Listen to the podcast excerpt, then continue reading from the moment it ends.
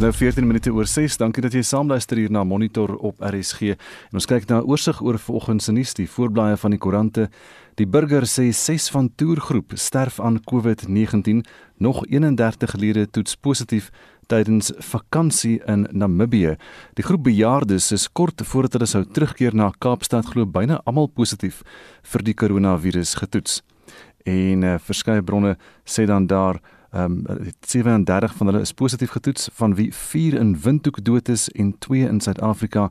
Onder hulle is Dani Blom die groep leier en die berig met daardie storie van die bejaarde groep wat vakansie gehou het in Namibië. Nog 'n berig hier op die voorblad van die Burger, 'n uh, weermag se hoof met piramides van whisky gegroet. Die oë het gereg oor hierdie peperduur whisky op die tafels by die afskeidsgeselligheid van generaal Solly Shoke wat die hoof van die Suid-Afrikaanse nasionale weermag was, nou so pas afgetree het. En daar is YouTube video's wat uitgekom het van hierdie partytjies wat oor die land heen vir hom gehou is nadat hy 65 jaar oud geword het. Die leer steunbasis in Bloemfontein was verantwoordelik om die afskeidsgeselligheid in die stad te reël en duidelik is geen moeite ontsien om die soldaat met die hoogste rang in Suid-Afrika te groet nie. Ehm um, die whiskies was daar in stapels op elke tafel uitgepak. Die voorblad van beeld vanmôre in die noorde van die land, De Ruiter in onderhoud kapers steeds in SA en Eskom. Die kragblaas glo Siddel en Pravin Steenhom en is 'n onderhoud wat gevoer is met Andre De Ruiter, die uitvoerende hoof van Eskom en hy praat tamelik baie oor staatskaping wat nie 'n binêre ding is nie en dit is nie met die Gupta's land uit nie. Dit gebeur nou nog en hy sê hy het eerstandse kennis van hoe dit ongelukkig in Eskom uh, steeds gebeur het oor die jare 'n kultuur ontwikkel van ek is al 20 jaar hier, ek is nou geregtig op my pos. Andre Dreuter wat so aangehaal word te midde van fase 4 beurtkrag ehm um, wat nou vandag van toepassing geraak het gister, gister van toepassing geraak het vir die eerste keer in 'n lang tyd en 'n uh, fase 3 van 8 uur vanoggend af. Ek dink ons is in hierdie stadium in fase 2 maar ons is in die hoë fases. Hier is ook 'n foto van die Hominiet die naam is Grace 'n Hominiet robot sy het 'n beroering in gesondheidskringe veroorsaak. 'n Mooi foto van Grace. Ehm um, sy verlig die COVID-19 las en sy is uitgeknip daarvoor om bejaardes ten tye van COVID-19 by te staan en te vertroos. Die Hong Kongse span van Hanson Robotics wat die bekende robot Sophia gemaak het, het Grace dan nou ook gemaak. En daar's 'n mooi foto daar van Grace. Die voorblad van Volksblad vanmôre uh, daardie moordsaak in die Vrystaat. Siemens getuig uit die graf 5 miljoen rand en nog niks daarvan. Die hof hoor opname van gesprekke dan daar met ehm um, Bakili. En dit is asof hy uit die dode verrys het van die polisiebeampte die adjunk uh, of adjutant offisier het dan daar die um, opname gespeel van die gesprekke wat gehou is ook 'n mooi foto van Simon de Wit 1 jaar oud wonderbaarlik oorleef met die swembad uh, waar die ingeval het baba is ongedeerd en sy ouers daar ook op 'n foto en hulle vertel dan van die uh, dat hulle baba in die swembad geval het. Die voorblad van Business Day vanmôre praat baie oor Eskom en ook oor die ambisieuse nuwe kweekhuisgas uitset uh, teikens wat Suid-Afrika se energieplan moet verander. Ons praat ook later daaroor. En dan wêreldnuus op bbc.com Joe Biden waarsku Vladimir Putin met sy eerste buitelandse reis na die Verenigde Koninkryk. En hier is ook 'n berig hierso wat sê Argentynse leier sê hy is jammer nadat sy kommentaar die Brasilianers baie kwaad gemaak het want hy het gesê dis nou Alberto Fernandes hy het gesê Brasilianers is uh, van die oerwoud en dis hulle nie baie gelukkig met hom nie. En dis net so vinnige oorsig oor vanoggend se nuus. Ons luisteraars vraag vanoggend geskoei op die land se kragkrisis weer eens. Eskom het gister op kort kennisgewing fase 4 beurtkrag ingestel en fase 2 beurtkrag uh, beurtkrag vanaf 10:00 gisteraand. Vandag om 8:00 word fase 3 ingestel tot 10:00 vanaand waarna fase 2 dan sal voortgaan. Nou die ekonom Mike Schuessler het al vir ons verduidelik wat dit die ekonomie gaan kos. Hy gaan veraloggend verder uitbrei oor hierdie belangrike vraag. Ons wil veraloggend by jou weet, hoe raak hierdie verskillende vlakke van die beurtkrag jou? Beplan jy daarvoor? Kan jy hoe genaamd beplan? Hoe genaamd beplan en hoe raak dit mense na aan jou? Stuur vir ons 'n SMS na 45889. Dit kos R1.50 of gaan na facebook.com vorentoe toe skynstreep ZRSG of WhatsApp vir ons stemnota na 076 536 6961 076 536 6961 Dis nou 19 minute oor 6 by Monitor. Nou dis onseker hoe die pad vorentoe lyk nadat die minister van gesondheid, Dr. Zweli Mkhize, op spesiale verlof geplaas is. Dit volg op die onstuimige skorsing vroeër van die ANC se sekretaris-generaal Ys Magashule. Nou ons kollega Susan Paxton het by die voormalige leier van die Vryheidsfront Plus en die politieke ontleder, Dr. Pieter Mulder, gaan kers opsteek. Ek dink wat ons hier het is 'n baie interessante parallel of 'n voorbeeld van hoe mense doen of nie doen. Met ander woorde, ek dink wat McKinsey doen in 'n groot mate, hy illustreer die teenpool van wat hy gedoen het. Uh maak jy dit maklik vir die president of maak jy dit moeilik vir die president? As jy nou mooi gaan kyk wat dit uitmaak as jy hulle gedoen, hy's gevra om op sy te staan, hy't geweier eintlik. Toe hom uiteindelik uitforceer het dat hy die president gaan aankla. Dit is die sekerste manier om alle deure toe te maak dat jy ooit weer polities kan terugkom ek dink McKinsey doen die beste wat hy kan uit sy posisie wat 'n slegte posisie oomblik is deurdat ek dink hy agter die skerms goed hy het nog gister probeer in Kimberley se normale werk doen. Hy was daar en mense van tyd te besoek maar by die media konferensie het dit net hieroor gegaan die hele tyd en hy het skielik besef hy kan nie wegkom van hierdie probleem voor hy nie weggaan nie en solank hy daar is gaan dit op hom kom en die president vir die hele tyd ook in die parlemente waar verduidelik. So ek dink dis 'n kop out of weekie kom ek sê skop kantlyn toe jy uh, hy het gevra, ek glo hy het gevra vir spesiale verlof. Jy kan dit so doen en hy maak dit eintlik dan vir die president maklik om te sê vat die druk van my af, vat die druk van jou af uiteindelik. Want die dilemma is hierdie spesiale ondersoekkomitee sê sy verslag kom is einde van die maand. Nou moet jy nou aanhou tot einde van die maand, uh, want as nog nie skuldig bevind nie, dis nog net beweringe of of wat ook al. So ek dink dis maar 'n spel wat gespeel word. Jy weet Churchill het op sy dag gesê politiek is gevaarliker as oorlog. In oorlog kan jy net eenmal doodgemaak word. In politiek kan jy meer as een keer doodgaan en weer terugkom. Ons het baie voorbeelde. Zuma is so vernietig en het weer teruggekom as president. Ons het so Derek Hanekom gehad wat uit was en weer in was. Tokke Sekwale uit en in. Maar dan moet jy nie die brûe verbrand nie. Dan moet jy baie ordentlik wees, gedissiplineerd wees en teruggaan. En ek dink dis wat hier gebeur. Met ander woorde, hy hou die opsies oop, maak dit maklik vir almal en hoop daar's 'n tweede kans wat sy loopbaan betref. Wat is die verskil tussen spesiale verlof en skorsing? Ons spesiale verlof beteken daar's nog nie 'n finale besluit nie. Skorsing is die einde van die loopbaan en dis 'n erns dan jy ondersoek afgehandel en jy's verby. Uh, maar spesiale verlof is net soort van skop vir die kantlyn staan een kant toe. Kom ons kyk wat gebeur. Ek wil jou nie veroordeel nie, maar ek kan nog nie besluit nie. Dis baie dieselfde lig as jy op sy staan klousule. Nou onthou nou die, die onderliggende spel moet jy ook aanvaar. Ys Magashule sal baie graag wil bewys dat Ramaphosa nie 'n billik optree dat hy dubbele standaarde het.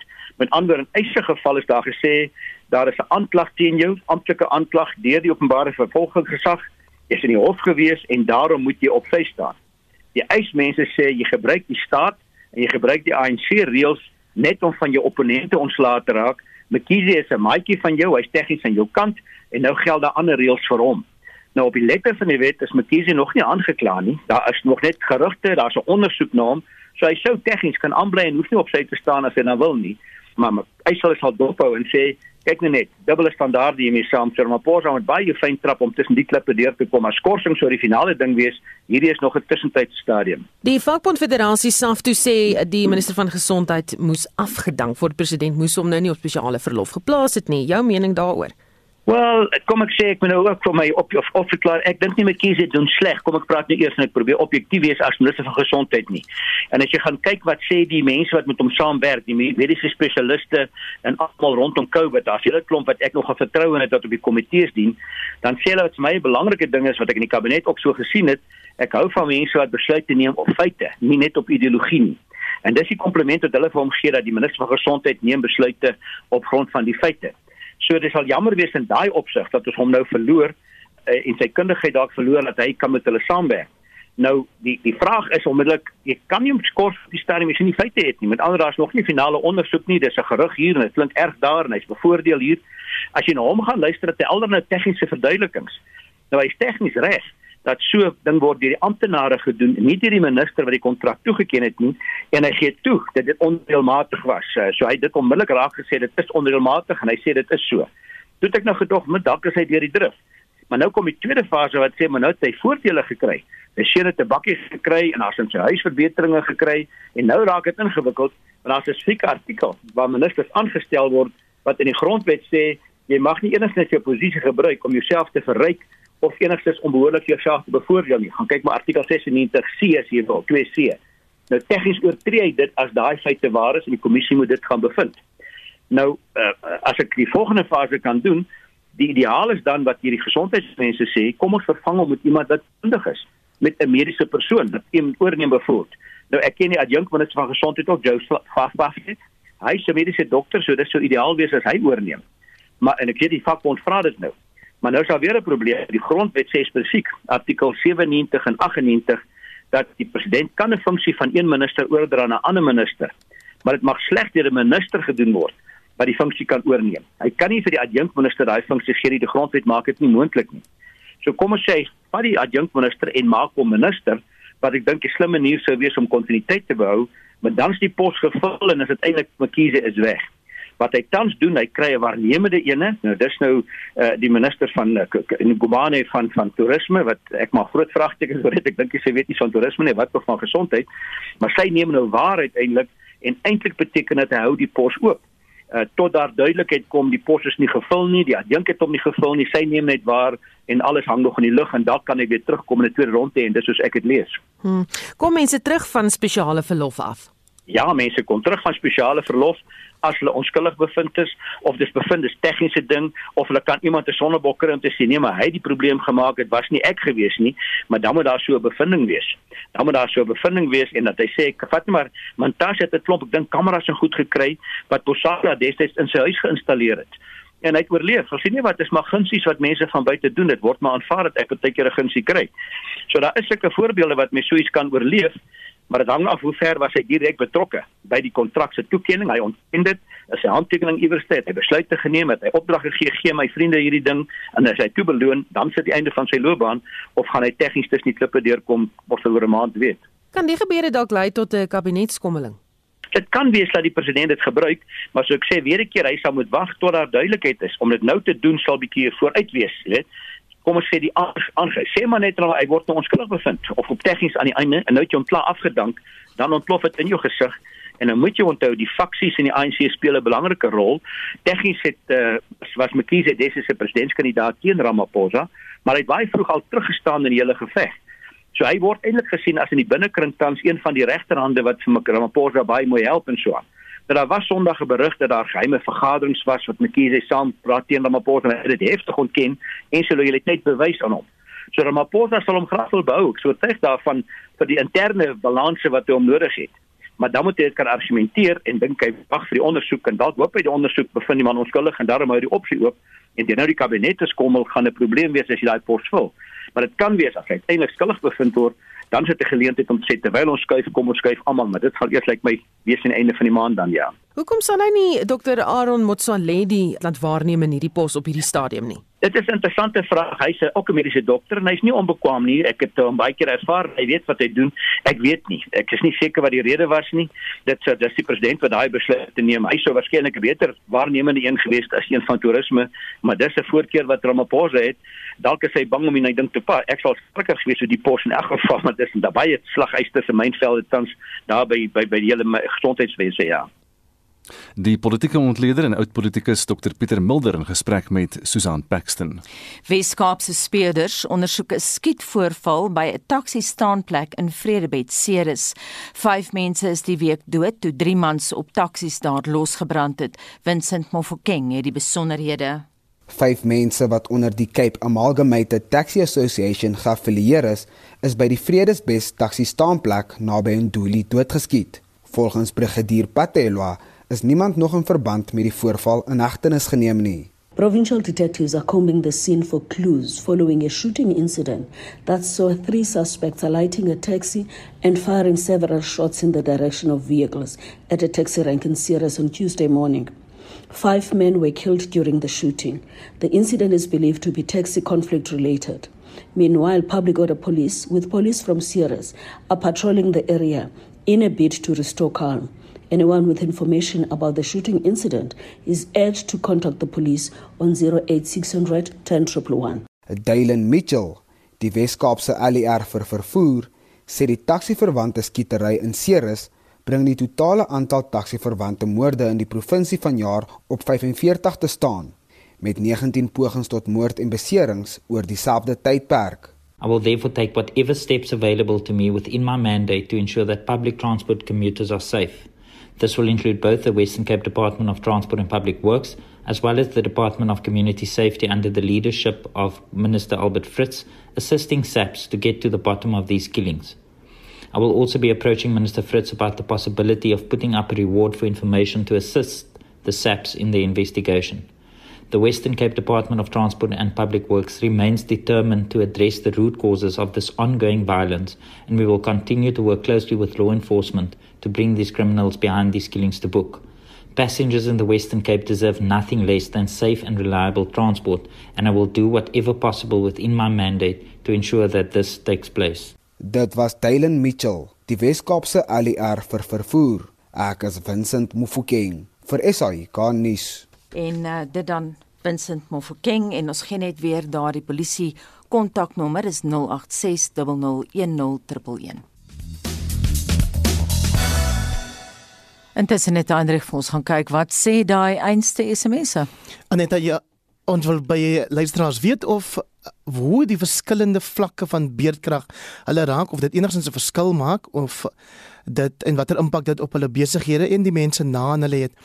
François James Swart sê vir die eerste keer sien ek uit na beerdkrag, dan kan ek my nuwe kragopwekker gebruik. Jacqueline Rousseau sê ek is 'n chef wat van die huis af werk. Dit is moeilik om behoorlike beplanning te doen met dit dat die fases die hele tyd verander. Ek is van Prins Albert in die Wes-Kaap. Marius Baartman reageer lighartig deur te sê beerdkrag laat my nou meer toebroodjies eet as ooit van tevore.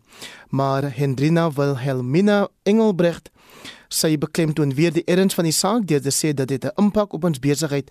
Ons is in toerisme. Eers COVID wat ons besigheid geknak het en nou is dit beerdkrag. Alternatiewe is nie altyd moontlik nie as gevolg van finansies. Dit voel net asof ons net moet bly spandeer om 'n bestaan te kan maak en dit breek 'n mens se moed.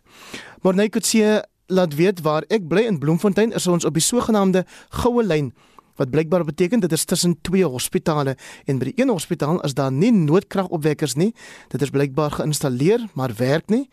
Ek weet nie van beerdkrag nie. Inteendeel, ek onthou eers weer daarvan as ek in ander areas ronddry.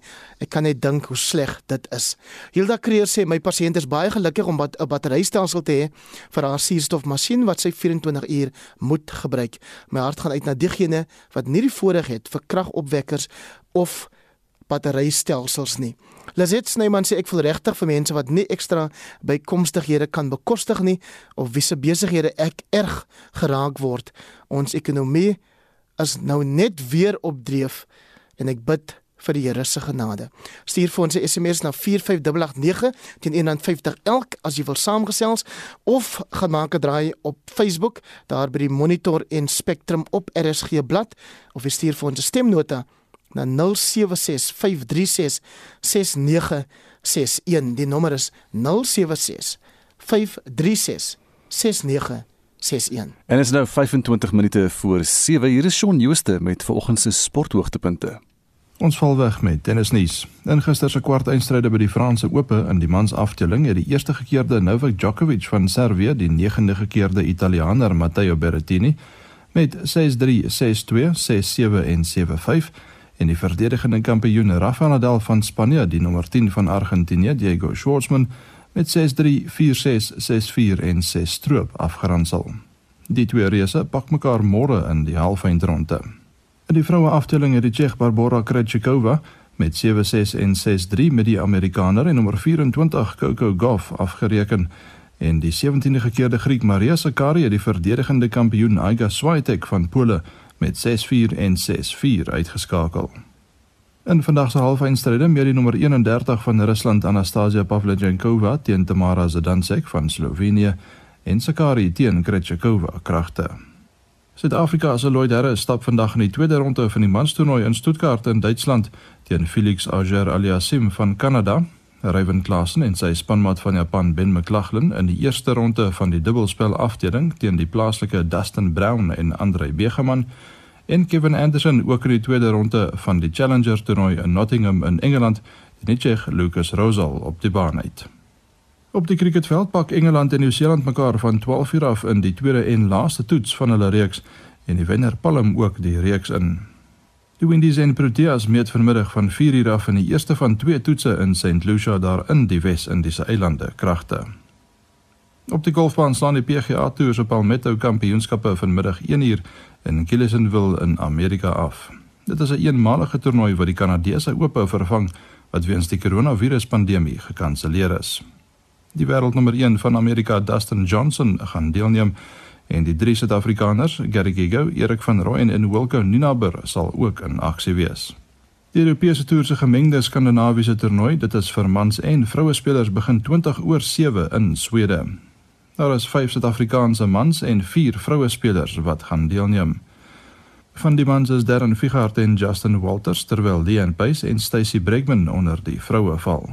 Ashley Buy en Paula Ritu verteenwoordig Suid-Afrika by die LPGA Tour se Medihill Kampioenskappe wat vanmiddag kwart oor 4 in Daly City in Kalifornië begin.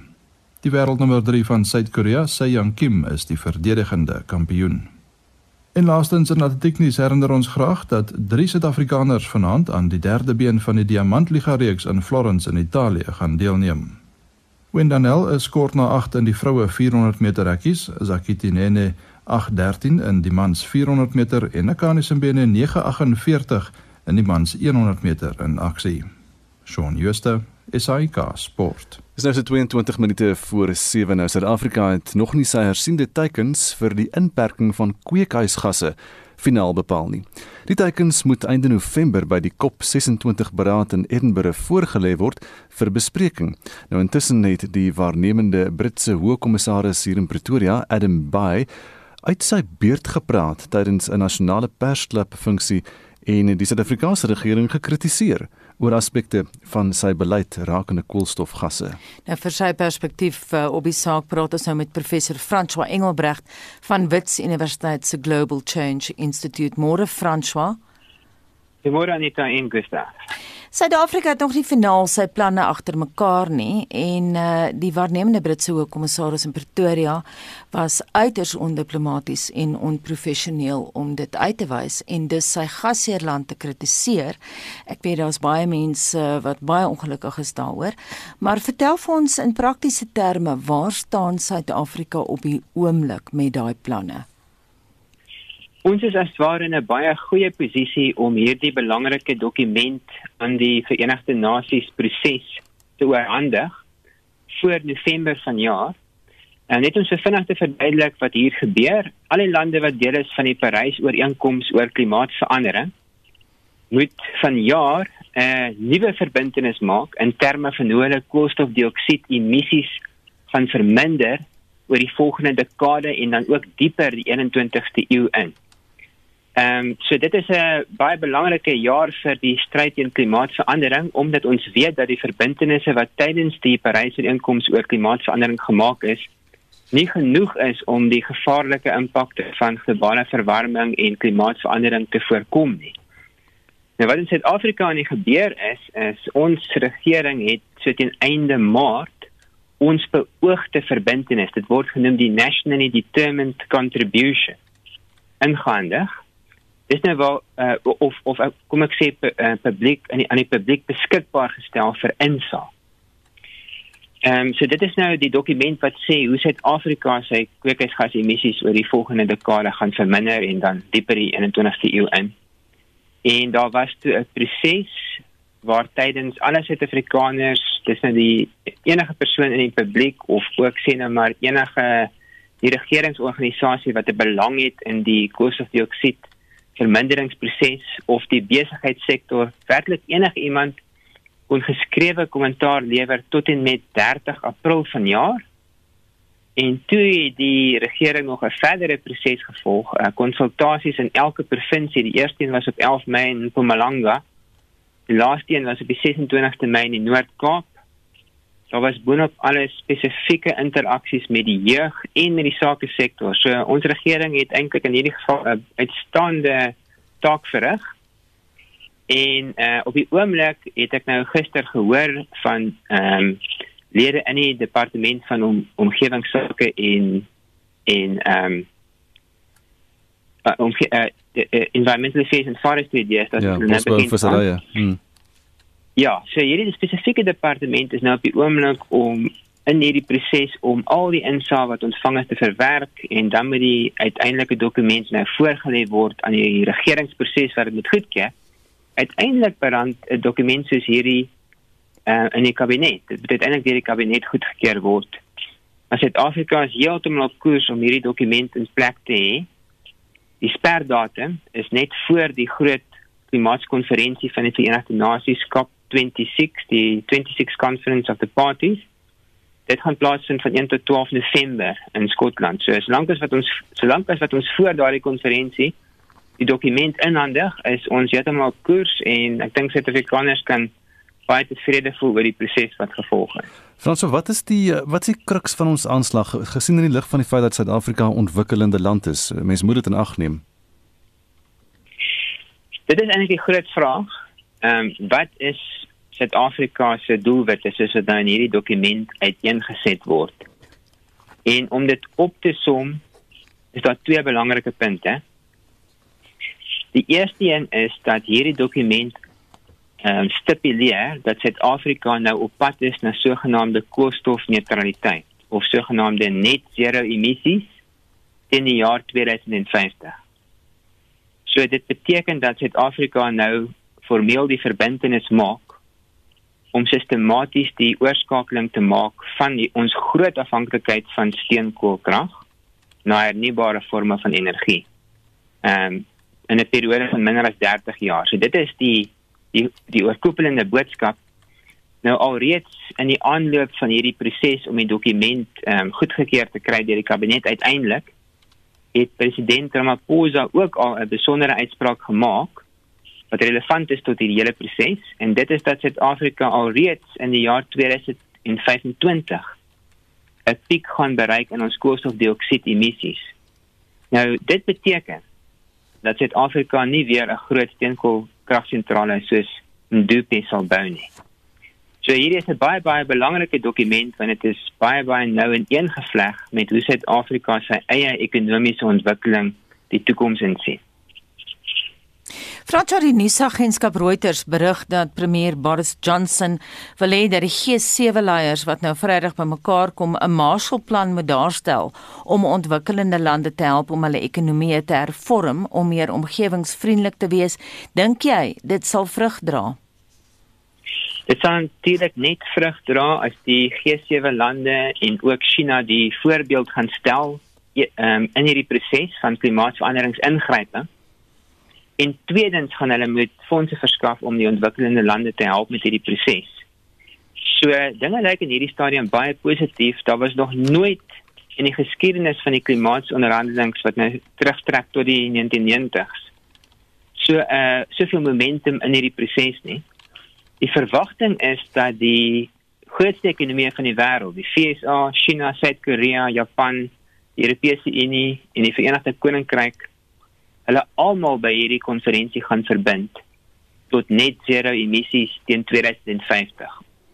Goed op die oomblik is die verbintenis van China eers om hierdie mylpaal eers te bereik teen 2060, maar dit dit kan nog dit kan nog heel moontlik verander tydens die konferensie of op pad na die konferensie.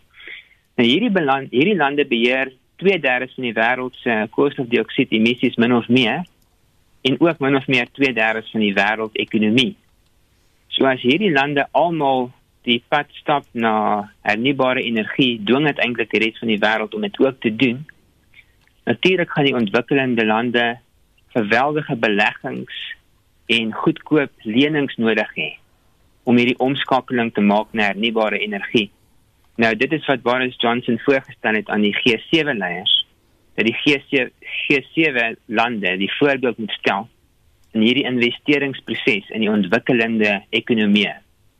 So dit dit is nog 'n baie positiewe verwikkeling en dit is ook hoekom dit so belangrik is dat Suid-Afrika die verbintenis maak dat dit een van hierdie lande gaan wees wat die omskakeling na hernubare energie gaan najag want dit sal beteken Suid-Afrika gaan kwalifiseer vir hierdie groot internasionale belegging.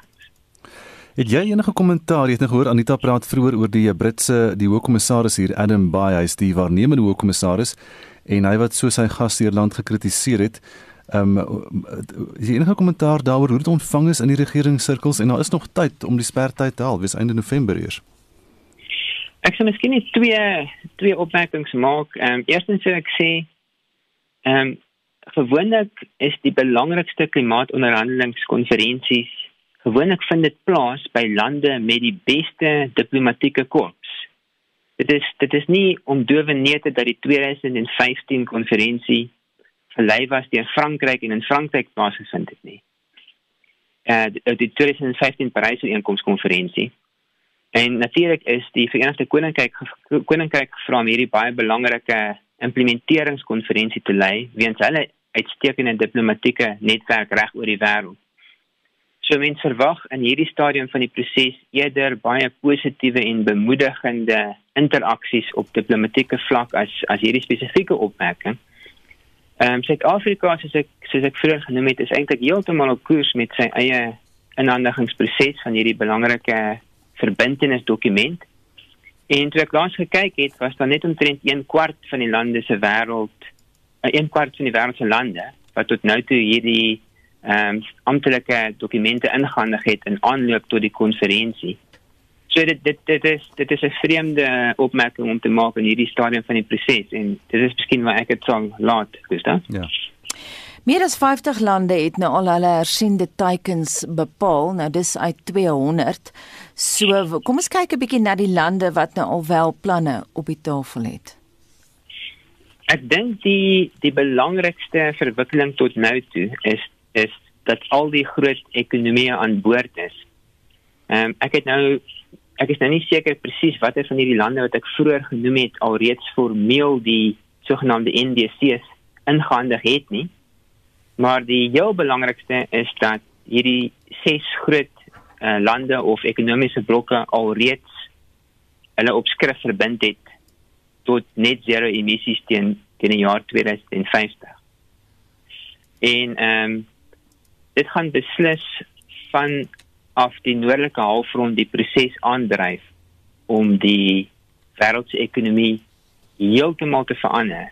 Die manier hoe ons dit aandryf ehm um, oor oor 'n tydperk van 3 dekades. Maar ons moet die veranderings nou baie vinnig verwag want 'n deel van die verbintenis wat gemaak word is dat emissies teen die jaar 2030 in hierdie ses groot ontwikkelende uh, groot ontwikkelde lande alreeds omtrent 50% minder moet wees as wat dit was oor die afgelope paar jaar. So die die omwenteling as dit nou gaan gebeur en dit lyk asof dit gaan, gaan ongelooflik vinnig gebeur. Die eerste verandering wat ons waarskynlik wêreldwyd gaan sien, ehm uh, beginnende in die Europese Unie en waarskynlik ook in die VSA is 'n omskakeling van die hele vervoerstelsel.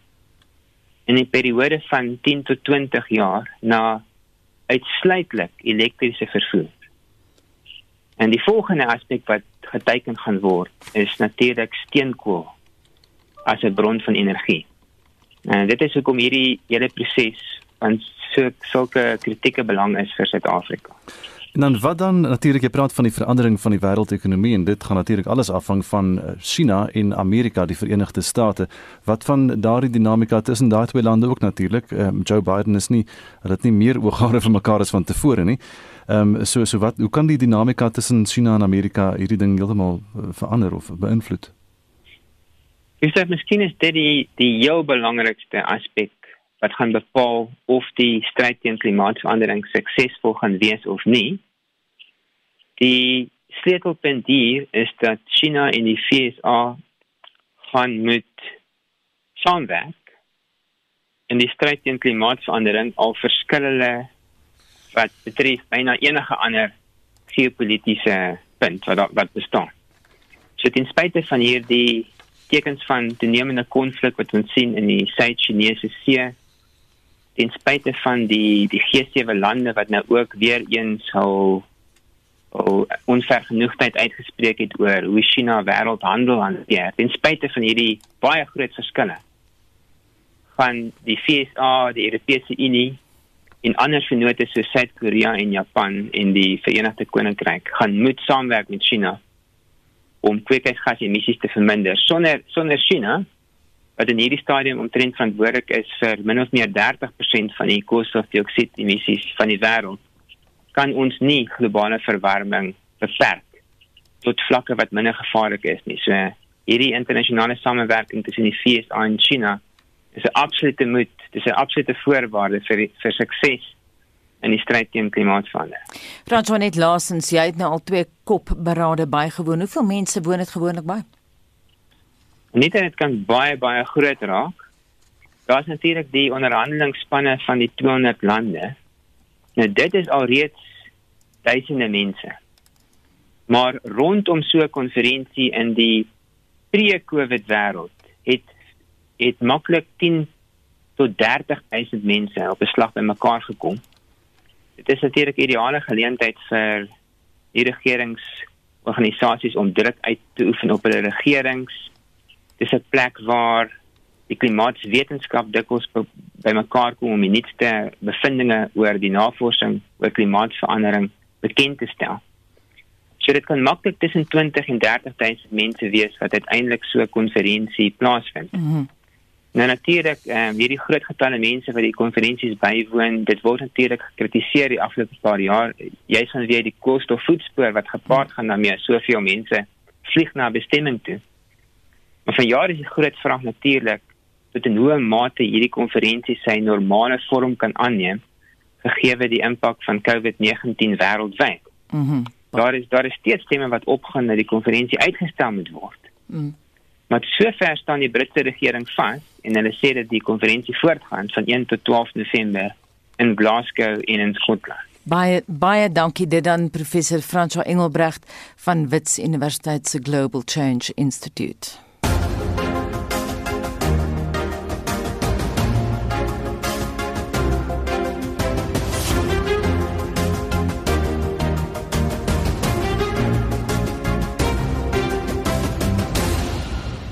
6 minute voor 7 in die onafhanklike verkiesingskommissie sê hy is gereed om die plaaslike regeringsverkiesing verjaar te hou te midde van die vrees uh, tans nou vir die derde COVID-19 vlag. Die verkiesingskommissie het die munisipale verkiesingsveldtog onder die lese Every Voice Together onthul. Nou Susan Paxton wou by die verkiesingskommissie se woordvoerder Granville Abrams weet hoe verjaar se verkiesing anders gaan lyk as vorige jare. Heel eerstens Susan, is dit 'n plaaslike verkiesing So in 'n plaaslike verkiesing het ons meer verskeidenheid in terme van deelnemers. Dink verlede jaar byvoorbeeld het ons omtrent so verlede munisipale verkiesing het ons omtrent so 200 uh, eh, politieke partye gehad wat deelgeneem het en um, ons verwag geselle uh, tipe van deelname in hierdie verkiesing ook. In terme van kiesers hoop ons om om en by 60% of meer deelname te kry en dit is ook in terme van vergelyking met vorige plaaslike verkiesings. Hoe gaan julle aanpas by COVID-19 inperkingsregulasies? Susan, ons het nou bewys in van verlede jaar November nog met die tussenverkiesings toe ons die heel eerste keer ons uh, COVID protokol geloods het dat ons in staat is om verkiesings te hou in hierdie omstandighede. So ons het 'n ons het 'n protokol wat ons nou klaar verby die politieke partye ook bekend gestel het. Hulle is bekend daarmee en uh, ons het nou omtrent so meer as uh, 160 tussenverkiesings al gehad met hierdie protokol. En dit het ook dan ook die nodige uh, gereedskap en materiaal en goed aangekoop wat nou nie gaan wees vir hierdie ehm um, verkiesing. Is daar enige veranderinge aangebring met betrekking tot die tegnologie wat jy gebruik? Ja, ons het uh, uiteindelik nou vir hierdie verkiesing het ons nou ons oud faithful, dit is nou die skandeerder het nou afgetree en ons het nou 'n nuwe uh uh gereedskap vir registrasie en dit gaan ook gebruik word vir stemdag. So met die die nuwe toestelle is ons dan nou in stand daartoe om alle besonderhede by die stemlokaal, die registrasiepunt af te neem in terme in in vergelyking met die verlede waar ons 'n vorm moes invul en dan ook skandeer en op 'n later stadium dan die adres vas te lê. Nou doen ons alles op die punt van interaksie. So dis heel eerstens die tegnologie daar. Tweedens as dit kom by kandidaatnominasie, het dit ook nou moontlik gemaak vir hierdie verkiesing indien partye besluit om dan aanlyn hulle kandidaatnominasie te doen dat daar geen papierwerk gaan doen nie. So ons hoop dat eh uh, meer van politieke partye en kandidate gebruik gaan maak hiervan sodat ons ook dan beheer kan hê oor die aantal mense wat ons plaaslike kore kantore dan gaan besoek. Ons het ook vir uh, die wat uh, wil vir die OVK wil werk, het ons ook 'n e-recruitment stelsel aanlyn. So enige iemand wat wil deel wees van die verkiesing om te werk vir die OVK kan dan daar op die e-recruitment stelsel dan registreer. Die toestelletjie wat ons dan nou gaan gebruik vir registrasie, hy gaan ook gebruik word op stemdag om seker te maak van hierdie aantuigings dat daar mense is wat meer as een keer wil stem. So hierdie toestelletjie gaan aanlyn wees. So sodra jy nou gestem het, dan gaan al die ander toestelletjies wat nou aangekoppel is by die ander stemlokale gaan ook in kennis gestel word dat daai persoon persoon nou al reeds gestem het. So ons kyk daai uit na om die nuwe uh, tegnologie uit te rol en en dan natuurlik die uh, voordele daarvan te sien. Klink baie opwindend. Uh, daar is verskeie partye wat glo die verkiesing moet uitgestel word. Hoekom uh, glo julle dit moet voortgaan? Dis nie 'n kwessie van glo nie. Ons instruksie kom van die grondwet af. En wat ons sê is dat ons besef dat 'n pandemie is wat moontlike gevare kan instel en dat daar ook moontlik 'n kwessie kan wees oor uh, vrye en regverdige verkiesings. So wat die kommissie gedoen het en die wetgewing stel hulle in staat daartoe dat uh, ons het nou hierdie uh, ondersoek wat ons besig is mee wat deur die uh, regter Mosenerki gehanteer word. So dis nie een kan maar aan die ander kant is ons genootsaak in terme van die grondwet om voor te berei vir 'n verkiesing. Daar is nie enige voortref in die grondwet wat sê dat ons verkiesing kan uitstel nie. So daar's twee prosesse aan die gang. Ons moet gereed maak vir 'n verkiesing en indien dan die ondersoek kan bewys uh, dat of dit uh, miskien 'n gevaar instel of nie vry en regverdig nie, dan sal die kommissie dan nadat hulle daai verslag het, dan 'n besluit neem in terme van hoe hulle verder gaan aangaan. Maar ons moet voorberei. Die verkiesingskommissie se woordvoerder Granville Abrams het met Susan Paxton gepraat.